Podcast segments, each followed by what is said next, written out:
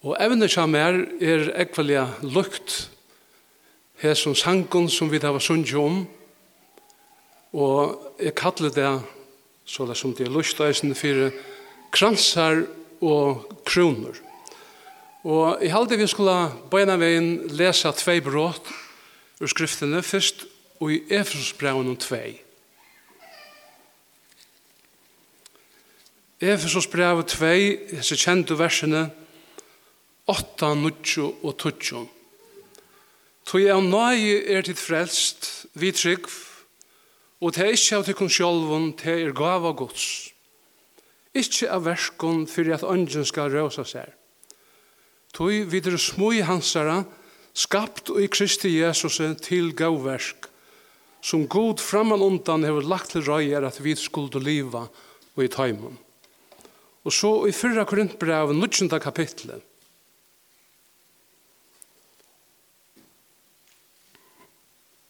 Fyrra Korintbrev og Nutsjon.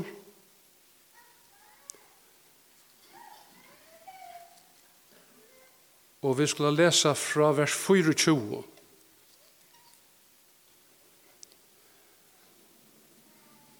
Vida tid ikkje at høyr som er skøyvøtlen og renna, renna vurs atler. Men best øynfær sier slønene. Renne så løys fyrir at hit kunne vinna henne. Tær som er vi í i kappleikon er og atler frahaldande i ötlun. Tær gjer at her fyrir a få forgangelian krans, men vit fyrir a få oforgangelian.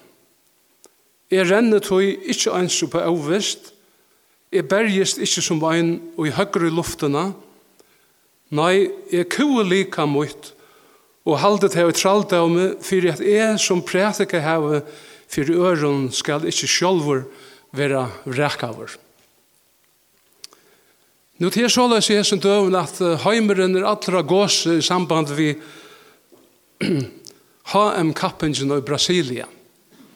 Og jeg råkner vi at hida öll fylgja vi her, men uh, hette er ikke min sterska søya, at vi frutja kvalde ta i er om til tøyina ta i og i Uh, Fåbølteren var uh, sendur i sjønvarpen og utvarp uh, sendi eisende ved fyra drotten, så fær jeg et ørende jøgn og bygdina, og her var ikke folk av suttja, selv om de ødel hukta. Og en maver stod her og sier, hikk, hatt er en gøte maver som ångan og ahua hever for ved fyra og jeg heldur for fåbalt här helt han var ekvaliga eh, vanligt. Men han säger det hur ser en positiv tone. Jag säger det till er och var en en vanlig ombo, ett vanligt ombo för gött och fotballt. Men eh, jeg sier allikevel, så da marserer vel og hitja eh, etter fotballet. Og jeg halte at eh, Vi har nekv å lære i samband vi kappingar, tog i år gods talar eisene om det andalige løyve som en skøyvøll og som en kapping vid öll godsbøden er ui, som vi skal komme inn på om en løt. Det er og nekver kransar og nekver kroner som år gods omtalar Og vanliga er det såleis at folk som ikkje kjenner så nekt til biblina og evangeliet halta, at kransane og kronene er det samme som himmelen. Og til nekka som vi få i løn hvis vi lever okra loiv rett og vel i fyrir god og menneskjon så færa vi er vera frelst som et urslid av tog. Men så leser ikke. Sjálvande kroner og kransar er og løner som Herren djever søgnon bøttene. Og ta i er tåse om kroner og kransar i morgen, og kommer jeg nevna en er seks imiske kroner og kransar, så hever det alt vi godsbøttene gjera som er frelst av nøye, utan versk og hava tidsi møte frelsene som en avkjeipes gavu. Vi lesa om den overgangelige kransen, om høyerskransen, om rattvøyseskransen, om krona livsens, om den overgangelige sierskrans dordarinnar, og så om guddelkronene, eller guddelkroner.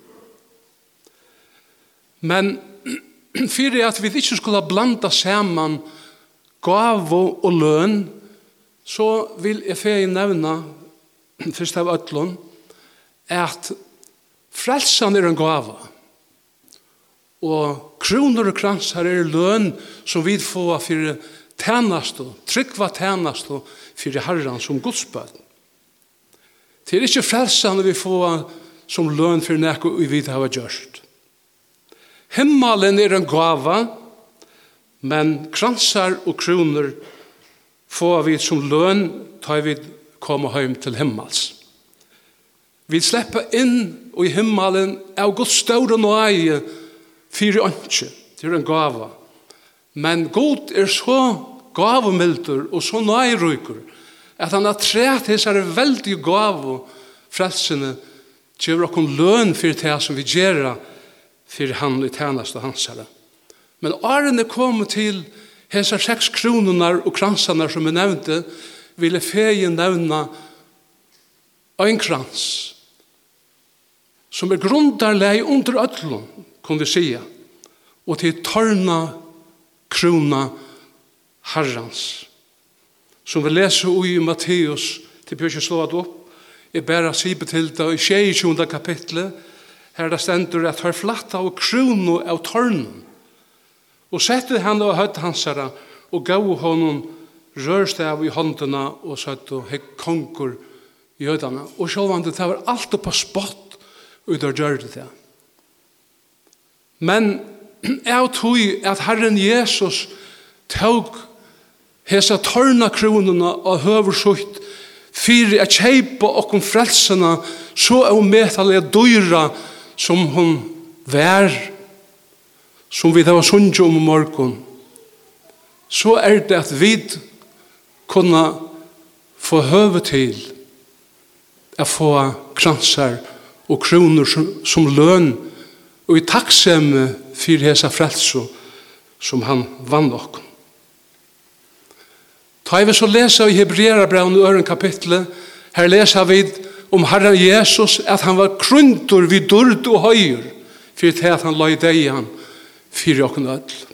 Kom vi langt ut ut i åpenberingsna så sutja vi her at jeg sa himmelen åpnan og fekk her uh, himmelen åpnan og fekk her at sutja kvidan hest Han som og honom sæt øyder trofastur og sannåraver.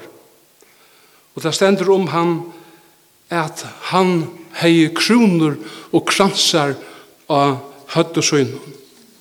Nå sutja vi herran som var tørna kruntur, kruntan vi høyer og dørd, vi kronon og kranson som dørdarinnar herre og høtt i hans herre. Og som vi har sitt i morgon, og nåte dette samfellet og hessar endeslige sanger vi av sunnkje så har vi ikke kunnet anna enn så tid tilby herra og frelsara moin som gav seg sjálvan fire okkon og hjertans ikke mot og okkar er at krøyna han som kongana kong og herrana herra. Men til ein ånder krona som i eisen innskja nevna årene kom til ter seks kronene og kransene. Og det er en krona som vi leser om i 103 salme. Her stendet det så løys at han krøyner okkon vi dørd og høyer. Han krøyner okkon vi nøye søgne. Han er tann og i fyrirgjever atlar mistkjerer tøynar, og grøyr atlar sjukur tøynar, som løyser løyvtøyt fra grøvene, og kryner til vi nøye og miskunn.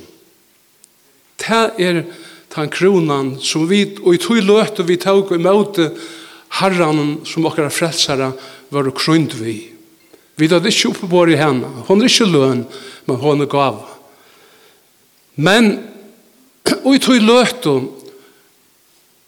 og i videre grund vi nøy og miskun hansara, er det at vi byrja av en skøyvøtle. og til er til er hesar kronenar og hesar kransaner som Guds år taler om at vi to og er kunne vinna. Ta sikst at han breska drottningen hever og i kronosøyne 3000 diamantar, 300 ærar virusmiklar juvelar og dyrar gimstøynar.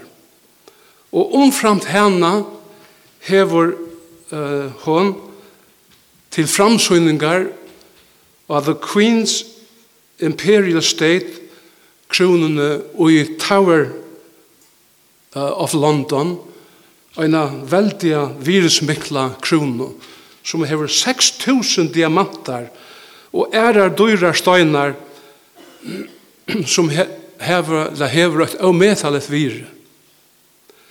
Men kronunar, diamantaner og juvelaner og i breska drottningen og atler monarkar og i ötlun heimen til samans blikna og i mun til tan oforgongelia tar oforgongelia juvelar og gymsteinar og diamantar og i krono kongana kongs og herrana herra og eisene og i taimon kronon og kranson som han og en dag fyrir a og okkom fyrir tryggva tænast.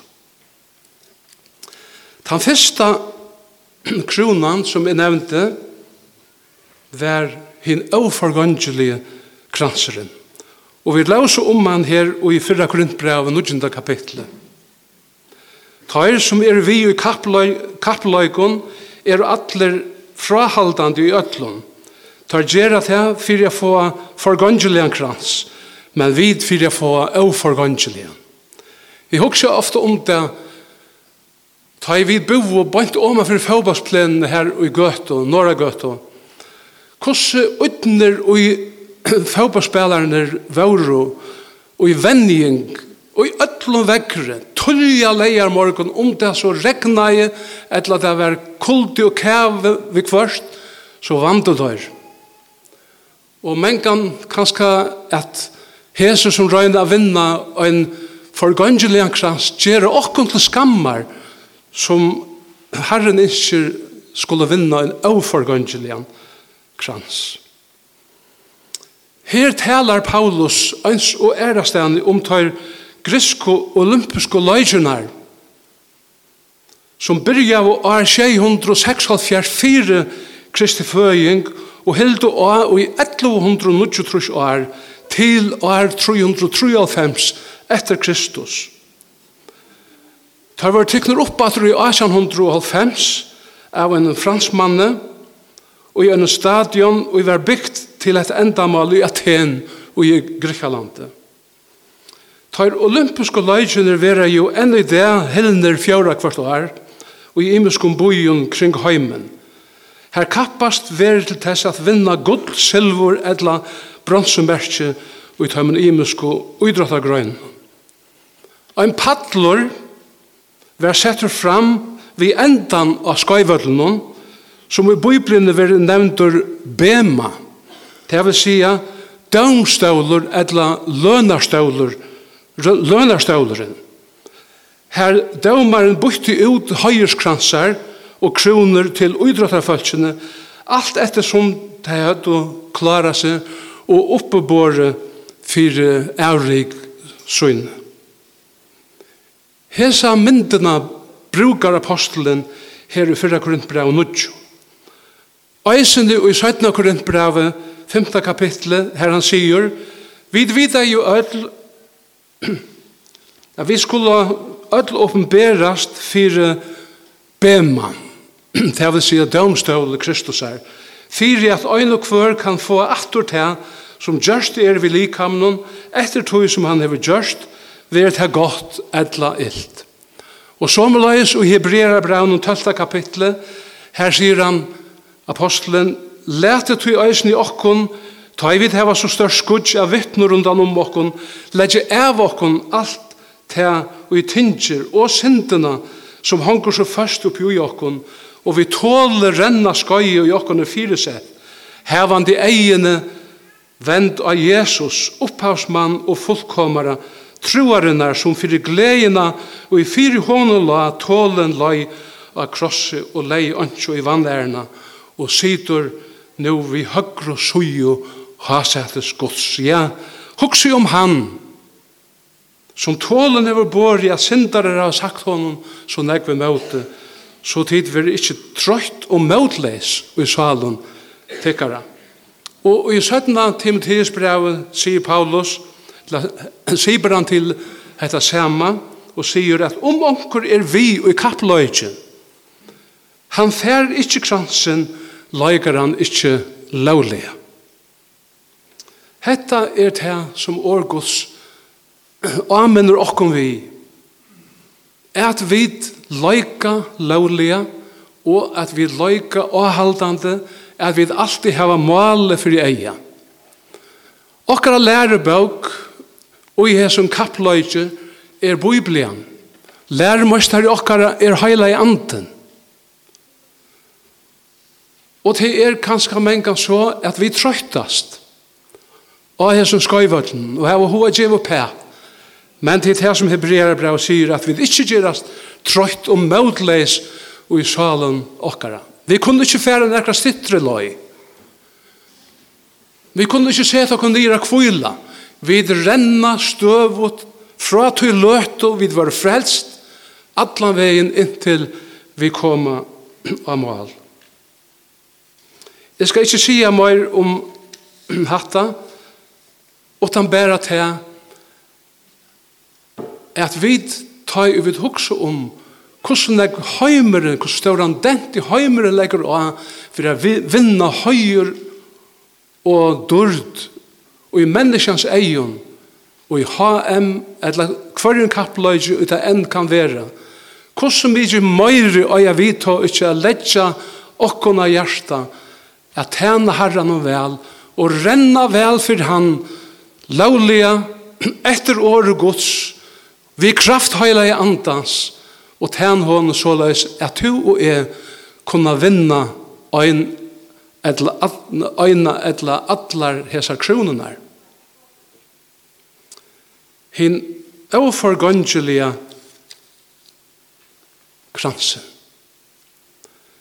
Ta næste kranseren vil kalla fyrir høyers kranseren. Hette er kanskje kranseren fyrir salarvinnarar.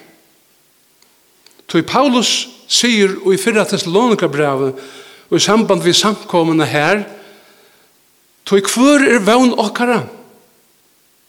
Glei okkara etla høyers kransur okkara? Er jo ikkje eisne tid til fyrir herre okkara Jesus og i koma hansara? Tid er jo høyer og glede okkara. Og til samme sier han vi samkommer i Filippi, og i fjøra kapittel i fyrsta verset. Brøver moiner som i elskje og som er langest etter, glede moin og kransor moin, standet tog såleis fastur i herran til elskav. Paulus hei stående hese samkommer. Han hei vunnet hese tryggvande som vauro i samkommunen, og i Thessalonika og i Filippi og vi leser om der hvordan det var ståneier og i Apostlasøvne 16. og 16. kapitlet under høren strøye og mødgeng og tog var det at han kallet et hei for gledesøyn og kransersøyn Nå, jeg vil være en salarvinnare, merker ikke endelig at være en Billy Graham, eller en svenning av loftet, eller hvordan du er som er kjentur fyrir at vinna saler fyrir herran. Men det kan være to og er som foreldre, som appar og ommer, at vi vinna okra bøtten, okra batna bøtten fyrir herran. Et li hoksa om tikkun sundaskola lærarar. Tikkun å øsne vinna høyerskransen vi å vinna sundagskolabøttene, etla hver det skal være, og hver vi er i samfellanen, eller samkommende, er vi kunne være vi til at vinna høyerskransen. Vi leser i Daniels bøk, 12. kapittel, men hine video skulle skoina som himmelkvalve skoinur, og de som hava løgt mong til rattvise som stjøtnernar og i aldur og allar æver.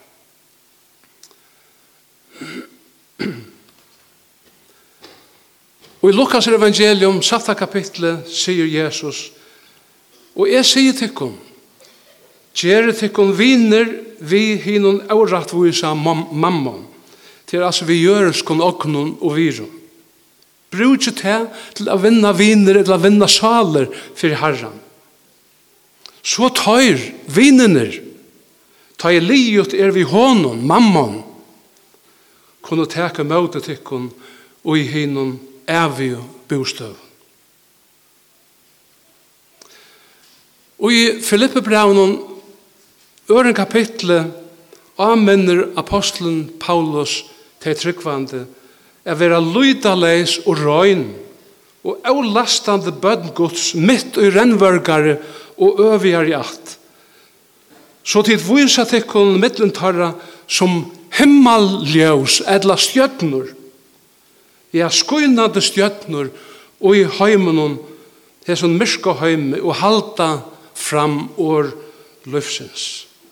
Ja, gav det a er såleis at vi kundu veri himmalljøs alla stedene her som vi er og heima til okkur sjolvun og i bygd etla boi okkara og i land i okkara og hver vi ferast. Mittlen teg tryggvande og teg vantryggvande. Men renner tvær rannsækande sanger i ho teg i torsi om hette evne. Til sangren skal er stjøtnur i kronuna kronuna få. Ta kvölde mun sjál, mun sjál fer i kæv. Ta i vakna skal her, og mun god nær tjat her, skal jeg stjøtnur og i kronuna få. Og hin er skal jeg færa vi tøvmun hånden, mun hun frelsara møta så. Onga sjál hava vunne, eller hava offra honum, ongon borer frels bo. Skal jeg færa vi tøvmun hånden, skal jeg tøvm hentur standa her, Onga sal heva vunni honum, onga sljötnu vunni mer. Tan trie kranseren er rattvuse kranseren. Paulus skrivar bant åren han, fær, åren han skulle færa hian av folton og i 17. Timotheus brev 4 som er søgnasta brev vi han skriva i. Nu ligger rattvuse kranseren mer til røyar, Herren, hin rattvus og daumar, skal djeva mer han hinde, og ikkje best mer, men eisen i ötlun som heva elska åpenbering hans herre. Det ser ut som hesen kranseren er særlige atlaver tøymon som elska atterkom herrens, og boie etter at herren skal komme i skudjon himmelsens og skal teka okken høy med dørdena samtøy som vi liva som himmeljøs her, at vi boja etter at han skal komme hver jeg løte det skal være. Vi øye at elska åpenbering hans herre, og vi spenner ikke sånn fram i møte og vanta og boja etter at han kjøtt skal komme atter som han har lova. Men i halte at hetta årafettelig åpenbering hansara, eller åpenbering herrans, eisen de hever en brøyare tøytning. Tøy, og i samme brev i fyrsta kapitlet, her talar Paulus om åpenbering herrans, og i en ørenljøs, og han sier, om nøyena som okkon er given, og nu er åpen våren åpenber, vi åpenbering frelsara okkara Jesu Krist, hans er som gjør det deian til ønskes, og vi evangelien hun førte fram og i ljøse, loiv og overgangelig løyka. Her taler han om fyrro kom herrens. Åpenbering hans herra, ta han kom av dordene til gjerrar og var føtter i Betlehem og så igjen døy av krossen og fyre okken og røys opp og for atter til himmels. Hene vid vant at han kjøtt skal åpenberast og komme atter ja vi som elska åpenbering hans herra vi elska bæge fyrro og søttno kom hans herra måtte det være såleis at vi gledde oss og om at han fyrre fyrre åpenbereist her, kom fra dårdene og gjørdest et menneske fyrir okkara skuld. Og hesen samme krossfeste, men dårdar gjørde konger og herre okkara skal komme atter. Og liva vid i ljøsunen av hesen, så, og tjene honom, så sier Paulus at ikke bare han, men øysen vidøll som liva såleis som han skulle få rattvise kransen som løn. Den fjore kranseren, eller kronan, er krona løfsens. Og henne leser vi om i Jakobs brev, første kapitlet, og tølta verset. Her stendur sæler er tan mævur som heldur ut i frøsting. Ta i liot er at røyna han skal han få krono løfsens som god hever lovat heimun og elska han. Så gjerne leser vi om krona livsens i åpenberingen 2, 20. Øttast ikkje fyrir tøy som du skal loja. Vær trygg til deian, så skal eg djeva ter krona livsens. Hendan kronan hev vi rønter og løyingar a gjera som vi som godsbøten færre i jøknen. At vi er avhaldande, uthaldande, tålen og troføst og i ötlun tog som kjemur av løy okkara. Tog Herren sender ønskja av løy okkara som vi ikkje kunna tåla som hans herre bød. Han har vi givet okkom nøyina og kraftina til det. Men til trutja treiter fyrir at vi kunna vinna krona livsins. Fyrst at vera tålen og røyndun som vi laus i Jakobs brevet, eller halda ut og i frøsting – Fyrir det næsta, at elska Herren Jesus. Og fyrir det tria, at vera tryggvor til deian. Onker heldur at hendan, ja, hendan kronan, krona løfsens, er blåvittnes kronan. Og det er oiva satt. Det er millioner av menneskjon og i det Og en så gjøkken øldunar heva lije blåvittnesdeian under høren æsøknen som vi ikke kunne gjøre okna en høyming av öllum tog til fær og er færen og gjøkken hese heva vunne krona livsens Stefanus var fyrsta blåvittne Og navnet Stefanus merker krona. Han døye fyrir vittnesbord Kristusar og vann sær Stefanus. Det vil sija krona løsens. Men i halte at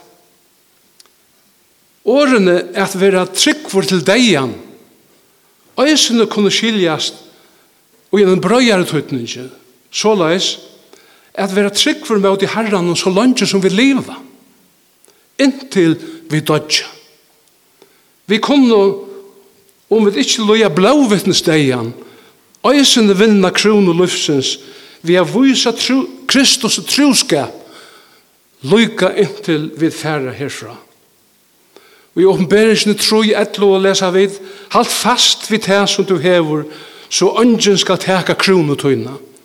Og i Kolossebraunen 2, vers 8, han sier han, Læt i ångan rena sigers lønene fra tekk. Ja, vi kunne øysende vinna blåvetne stegen. Vi at vera trygg imot i herre frelsar okkara lyka inntil vi dodja. Femte kranseren er avfølgende sigerskransur dordarinnar. Han er et særstakt lyfte til eldstar og omsjånarmenn og i samkommen. Vi leser om han i fyrra pætsbrev i 5. kapitlet. Hinar eldst og middelentekkare og amen som tann i sjálfur er eldste og vittni om Kristus er, og som tann i eisende hever lod i dordene som åpenberast skal. Røkte fylgje gods og i tjatekon er og hev i omsjån vittoi ikkje av tvingsle men sjálfkrauter og Ikke for jeg få leudan vinning, men av fyrsom hjerta, heldur ikke som tøyre vilja være herrar iver samkommunen, men som fire mindre fylgjusins, og ta i ta iver hiren åpenberast, skulle tid få av forgangelige sierskrans dordarinnar. Vi som underhyrar skulle få hendan kransen fra iverhyranen, ta i han åpenberast. Det er en stor avbyrd at vi er eldste i en samkom. Og omkjønar maur eller omkjønar menn og eldstar. Men samstundes ein og metalig staurer høyer og øyre gjer okkon og metalig eimjukar og takksamar at Herren setter okkon til en slika tænast. Hinn er eldst og sier Paulus i fyrra Timotheus brevet som er gauver fyrstøve menn skulle være hildner tvifaldan høyer verder. Mest høyer som arbeid i tal og lær. Så skriften sier, du måst ikke mulbinde oksan i trestjer, og arbeidsmævren er løn sina verder. Tek ikkje vi klæv og møte en eldste utan etter tvøymen eller trimen vittnum. Tøymen, altså tøymen eldste og synda, skal du heve eit, så allir høyra, så eisne hiner kunne heva øtta. Jeg vittne for gode og Kristi Jesus og hinun utvald og anglun at hun måst akta etter öllun hesun utan fordom og at hun ønske gjerst av pastakjenslu. Vi er ikke sjøyder at leggja hendurna av nekran til å si at djeva en samfellagshånd og skjøtt.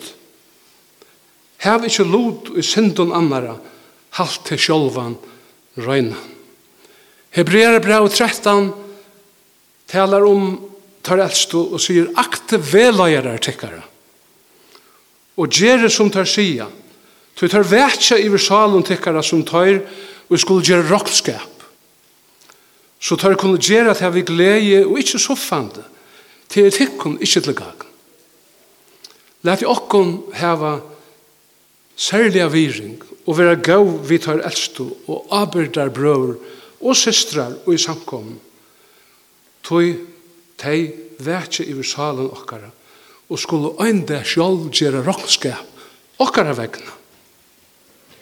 Ta i tænasta tarra og okkara endar er hjertans innskje okkara at høyra herran sia som vi lesa i Matteus 25-23 Gott til gauve og trygg ved Tu var trygg for iver luftlun, jeg skal seta til i negv, fer inn i glede til glede herra tøyns. Og Peter sier i fyrsta kapitlet og i fyrra brev søgnon, lova vi veri herren, la veri god og feir herre okkara, Jesu Krist, som etter større miskunnshøyne hever endur født okkon til livande vøvn, vi oppreist Jesu Krist fra innom deg til avfargønseljan av dolkajan, av følnande arv som tikkun er gaimtur i himmelen. Og så kom jeg til tann søgnasta kransen etla kronuna, til gullkronan. Hanna lesa vi om i oppenberingen fjóra kapitlet. Det stendur rundan om hasete var 24 hasete, og i hasetene så det 24 eldster, klatter i kvitt klæger og vi gull kronon av høttun. Bibelio halda at har 24 eldstu omboa samkomu Kristusar fyrir hasatu gods her i åpenberingene. Vi øren åren her sutja vid öll godsbøtten bror Kristusar samkoma hansara fra öllum tøyun, støvun, tungumalen, tjøvun, kring allan heimen, sauna, kring hasæte gods, vi gull kronun og høttunun. Hver en veldig sjøvn. Og så at hoksa seg at vit, to og e, er jo mittlentarra. Herren løner fyrir minst du gjer, og vi gjerra. Om det så best er et bikar eller glas av kaldun vattnet, og vi gjør det for hans herre skuld. Og at enda. Hvert er nå enda målet vi kransen og kronen? Er det for jeg dør med til oss selv, og for jeg viser hvert vi kunne prestere, eller legge ur hånden. Hva er det til atle jeg til? Hva er det gjørst vi kronene? Jo, Sverige på at her finner vi de oppenberingene fjøra kapitli, vers 9 til 11, her det stendur, ta i verunar, djev og honom durd, høyer og tøkk, som i hasetten og sider, og som lever i allar, alder og allar æver, falla hiner 24 eldstu, öll samkoma Kristus er, nyer fyrir honom, som i hasetten og sider, og tilbya han, som lever i alder og allar æver, Og hva stendet så? Tar kasta kronor søgnar nyer fyrir noen og sia Verdur er to, Herre, og god okkar er få dörd høyer og mått.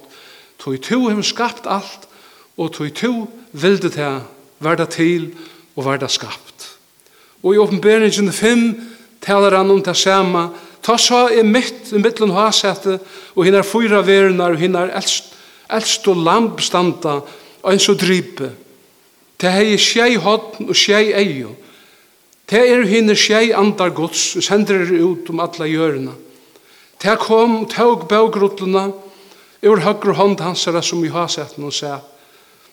Ta i ta tåg bøgrutluna, fotlo hinner, hin, hinnar fyra verunar og hinner fyra tjuo, eldstu samkoma Kristus er, nyer fyrir lampunum.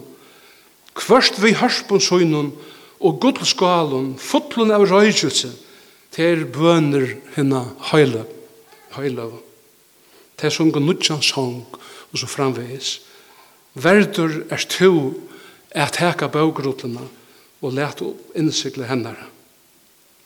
Og så stender det kvønn skapning, som i himmelen og i jørene og under jørene og av hevene, der i alt som tøymner og i hørte jeg sier, honom som i haseten sitter, og lampen tilhøyrer sikningen, høyren, durten og måtteren og i alder og atler æver. At hugsa seg at Herren som frelst i okkon er nøy som vi laus i Efesus brevnen 2 og djever okkon himmelen som han er gav at han har træt hui skal djeva okkon hesar kroner og og hesar kransar. Tan som djever tykkun et bikar av vattni a drekka og i navnum og fyrir til at hit høyra Kristus til, sannelig sige tykkun, han skal ikkje missa lønnsrydna, og sannelig sige tykkun, ongen som er færen fra brøren, systrun, maur, fægir, bøtnun etla gjør fyrir møyna skuld og fyrir evangelium skuld utan han skal få til hundrafalt attur til det samme som 20.000 prosent. Han kanadiske snærrennaren Ben Johnson, han vann godmerkje og olympiske løykunnen i Seul og Sur-Korea og 1948 og 100 meter rennebreidene og breid, breid heimsmete vi nutje komma nutje halvfjers sekundum. Men trutja degar søytne misti han godlmerskje tog det var avduga at han var dåpavur og hei tidje rusevne som jo er avlovlet.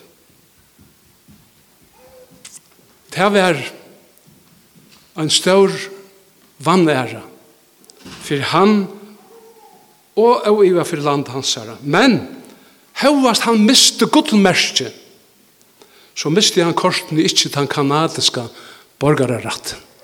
Og så la seg det, vi kunne missa løn, og vi kunne vinna løn.